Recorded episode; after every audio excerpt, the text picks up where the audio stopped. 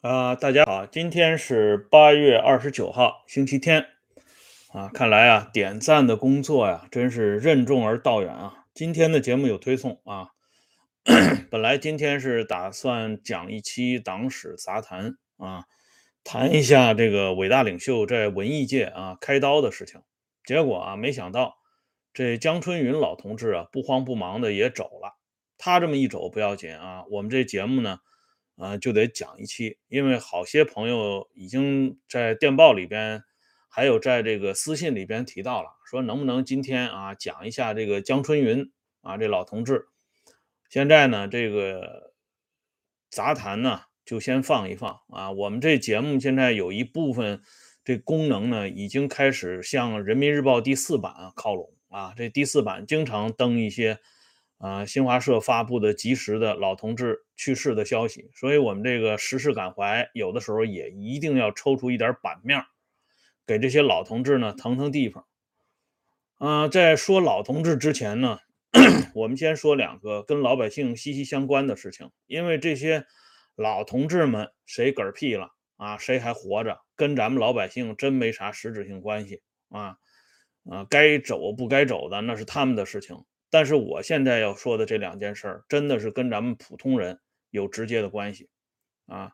这个上海刚刚发生的一件事情啊，这个治安分局方面呢已经出警了，一个上海本地的老太太因为交通事故被撞的是头破血流，送到医院啊，这一看各项指标也都不太正常，按照常理说呢，这个人应该赶紧进行救治，但是不行。按照现在的规矩，要先检测。大家都知道这检测意味着什么啊？就是看他有没有特殊情况。但是检测的结果呢，要四到六个小时才能出来。所以这老太太现在人呢，就给扔在那里啊，根本就没人管，就放在走廊那里啊。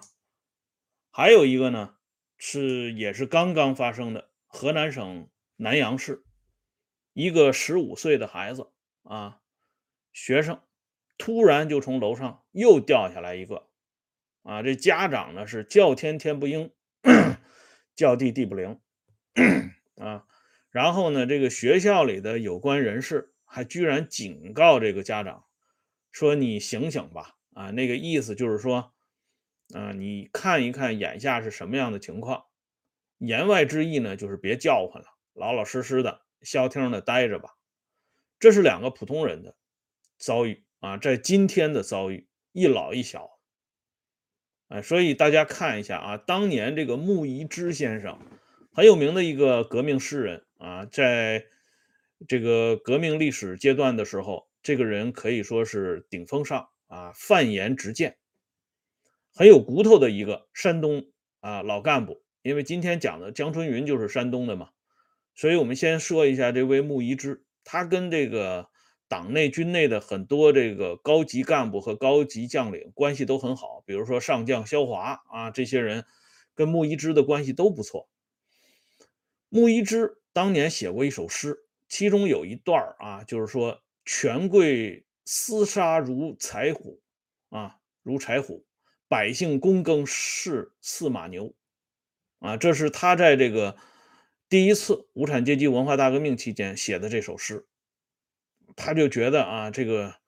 这个国家这个政治啊，居然到了这一步，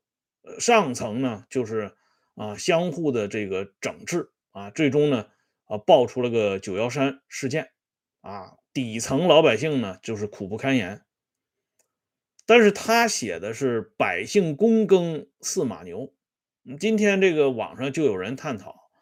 这个马牛这个概念是不是啊可以放在老百姓身上啊？这个说法有待商榷。嗯，因为这个眼下大家更喜欢用这个韭菜来形容这个普通人和老百姓，到底是马牛还是韭菜？这个看来呢，互联网上有争议。那么现在呢，我们就归正正题儿啊，说一下江春云的事儿。今年呢，山东官场前前后后走了三位老书记，上半年走了两个，一个是梁不停，啊，是九十九岁，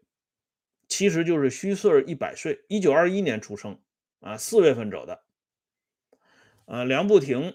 走了之后呢，六月份又走了一个，就是苏毅然啊，这个能活，这个虚岁到一百零二岁，嗯，实际的周岁呢，也这个年龄最轻的就是咱们刚刚走的这位江春云江书记，年轻啊，才九十二岁，比起他之前的这两位老领导，那真的年轻好几岁呢，啊。这个梁不停和苏毅然恰好都是江春云的上级，啊，江春云前后伺候过四位啊山东的这个省委书记啊，就是这个进入无产阶级文化大革命之后啊，杨得志啊、白如冰、苏毅然、梁不停这四个人啊，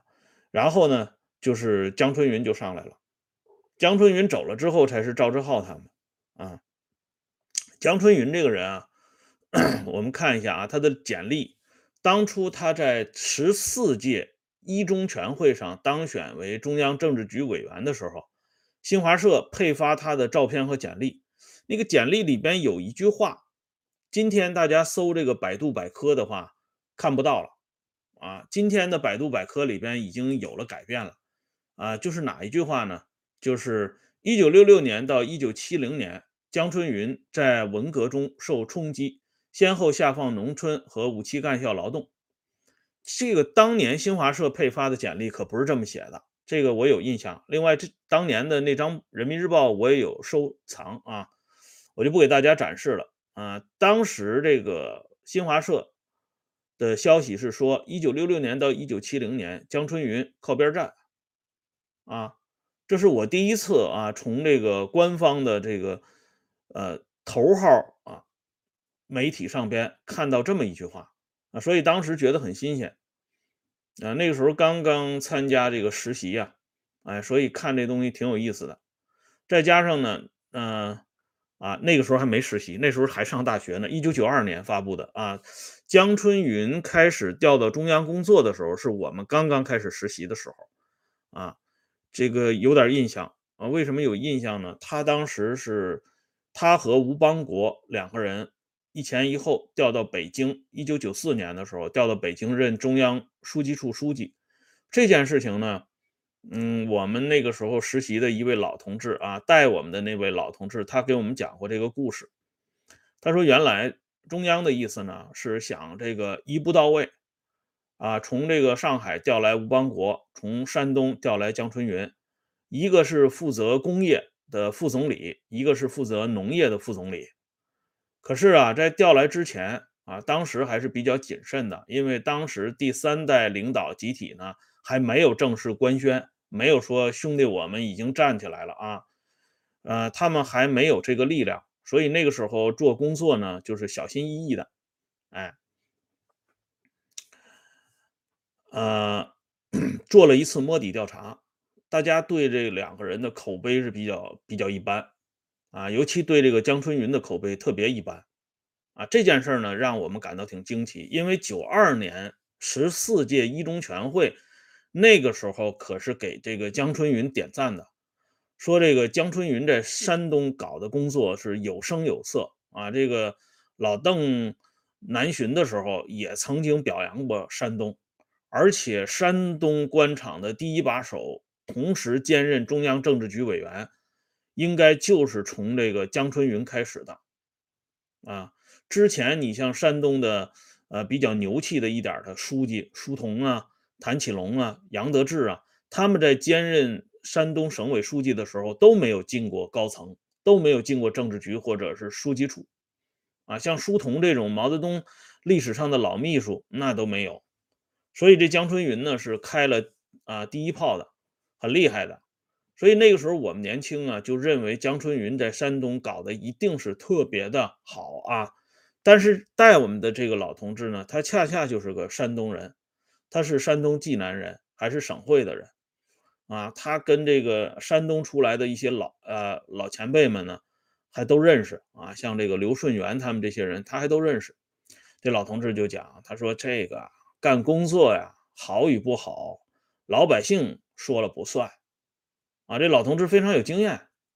啊，他就点拨我们。我们说那谁说了算呢？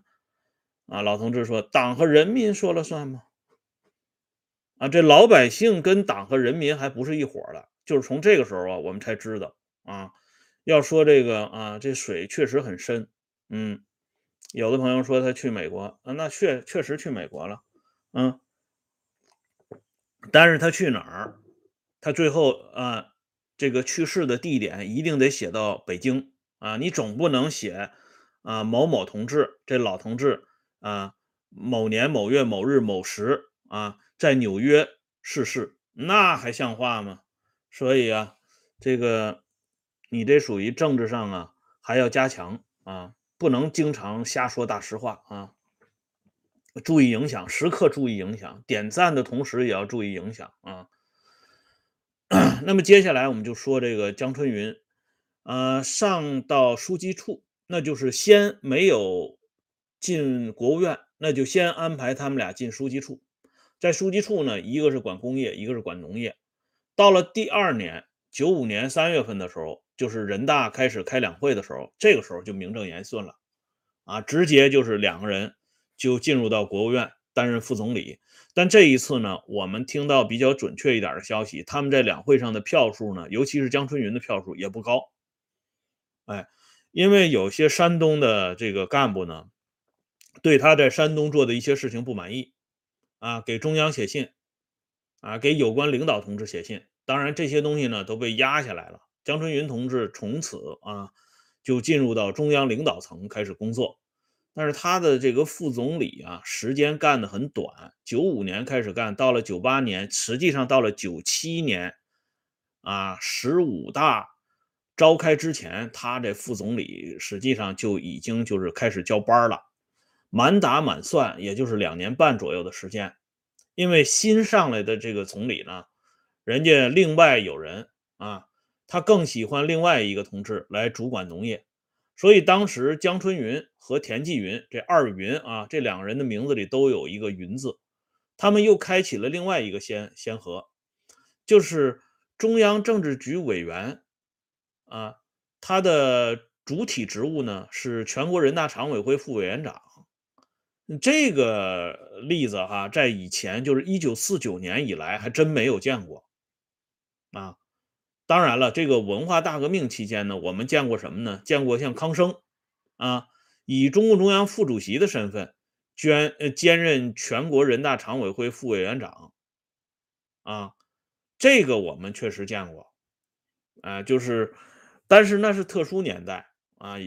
到了呃中共十一大以后，特别是十二大以后，这个政治局委员是越来越值钱，含金量越来越高。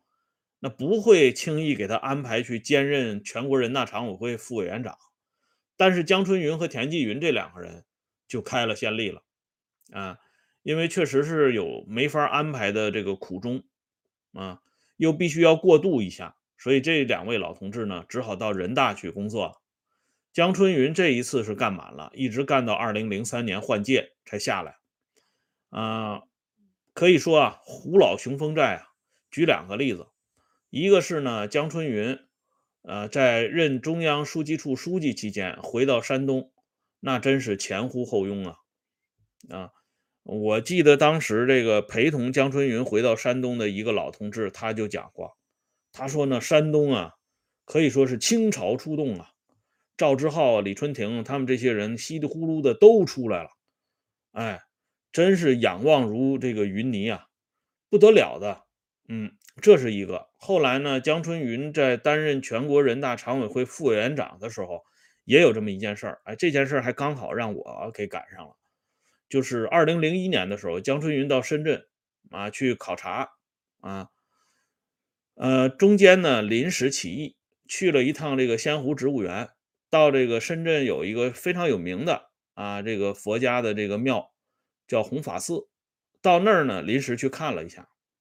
结果他一去不要紧啊，这个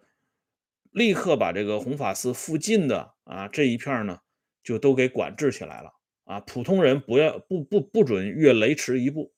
啊！谁这个时候想到弘法寺去敬香啊，去这个拜佛，都暂时被叫停了啊，先可着江副委员长呢在里边转悠，他是考察工作嘛，当然也要考察一下弘法寺的情况。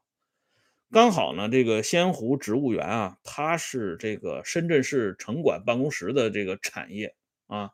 城管的人在这个仙湖植物园他是有特权的啊。我们那时候跟这个呃深圳市城管办公室的人还特别熟悉啊，我们在现场就给他们打了个电话，说这个啊他这个老同志什么时候离开啊？这是这这是不是一待要待一天呢？这是啊啊，这样的话我们这些人就没法去了。这城管的人说：“你放心吧，老同志来呢也是临时起意啊。他本来是没想到这个弘法寺转悠，不知道在车上谁提了一嘴，然后呢，这老同志就来了。来了呢是要拜会一下弘法寺的主持啊，住持这个施本焕大师啊，然后呢再对这个庙里的一些工作呢，呃进行评点和指示。时间前后不会超过一个半小时。”所以呢，你们放心等一会儿啊，到别的地方先转一转，因为别的地方不会这个管制起来的。所以这这件事情啊，我印象挺深的，就是那个时代啊，就是本世纪初的时候，这些老同志啊，或者是高级领导干部、高级领导人到某个风景景区的时候啊，他这个管制的范围还是挺明确的，就是说他去的那个地方进行管制。他没有去的地方呢，还可以放行，这个跟二十年后的今天已经不一样了，啊，这个变化呢是非常微妙的，从江春云的身上呢就能看出来。再一个呢，江春云后来还有一个事情挺有意思的，就是刚才有个朋友就提到他去美国的事情，这个事儿啊，其实放在很多老干部身上都是很正常的事情，啊，这个子女嘛都是。作为这个无产阶级革命先锋队，先派到这个啊这个第一线去抓这个主要工作去了。那么在这种情况下呢，老同志时时刻刻也不放心，因为年轻人需要历练，所以他们会经常远涉重洋到那个啊啊这个用那首歌，那首歌怎么唱来的？漂洋过海来看你嘛啊，说的就是这样啊，远远跨重洋。然后到那个现场呢，具体进行革命工作方面的指导。但是这些人呢，都是比较低调啊，秉承这个恩来同志和邓大姐的风格，非常低调，都是默默的去，默默的回。当然有的就是默默的就不回来了，啊，就在这个当地就潜伏下来了，啊。但是江春云去这个美国呢，还真的还还挺高调的啊。我们从这个公开这个新闻上都能够看到。还有这个老同志跟这个年轻一代的同志们的合影啊，传帮带嘛啊，有的合影站的这个位置呢，跟老同志在一起站的这个位置，当时也引起了一些猜测啊。我们有一些年轻的朋友就喜欢猜测这个啊老同志的一些情况，用这个还啊挣扎的这个继续活在这个第三线的这个老姜的那句话，就是你们总想搞出一个大新闻来啊。我觉得这个毛病不太好啊，要改一改，不要给老同志啊搞一些大新闻。老同志不容易啊，千里迢迢去美国去看望这个奋战在第一线的这些年轻人，这是一种什么样的精神啊？这个大家学过纪念白求恩都知道啊，这是一种国际主义精神啊，不容易。这是一个高尚的人，一个纯粹的人，一个脱离了低级趣味的人。一个对人民有益的人，哎，所以呢，今天这么一个老同志嗝屁了，我们呢也要表示足够的这个怀念和追悼啊啊，剩下就是多余的话了啊，多余的话我们就不说了。好了，今天的这个话题呢，我们就说到这里啊。这个江春云离开这个山东以后呢，啊，后来山东出了一个大事儿啊，大家都知道那个大顺号的事情。连这个省长李春亭和交通部部长黄振东都背了处分的，所以那个时候山东官场还有句话，说这土地爷走了，这土地爷一离开山东，你看山东就这个出状况了。但是江春云打的一个基础啊很厉害，从此以后啊，山东省真的就开始进入高层的这个法眼之中了。山东的这个省委书记和省长啊。也成为这个官场上边一个非常重要的起跳的台阶儿，啊，我们看到有的常委也是从山东省委书记，然后到天津市工作，然后进入到高层，哎，所以这个山东啊，在江春云领导之下，整个啊在政治上确实改变了面貌。至于他在经济上是好是坏，我觉得山东的朋友最有发言权啊。好了，今天呢，咱们就说到这里，感谢朋友们上来收看和点赞啊！欢迎大家关注“温相说时政”会员节目，周一到周日啊，经常会有更新。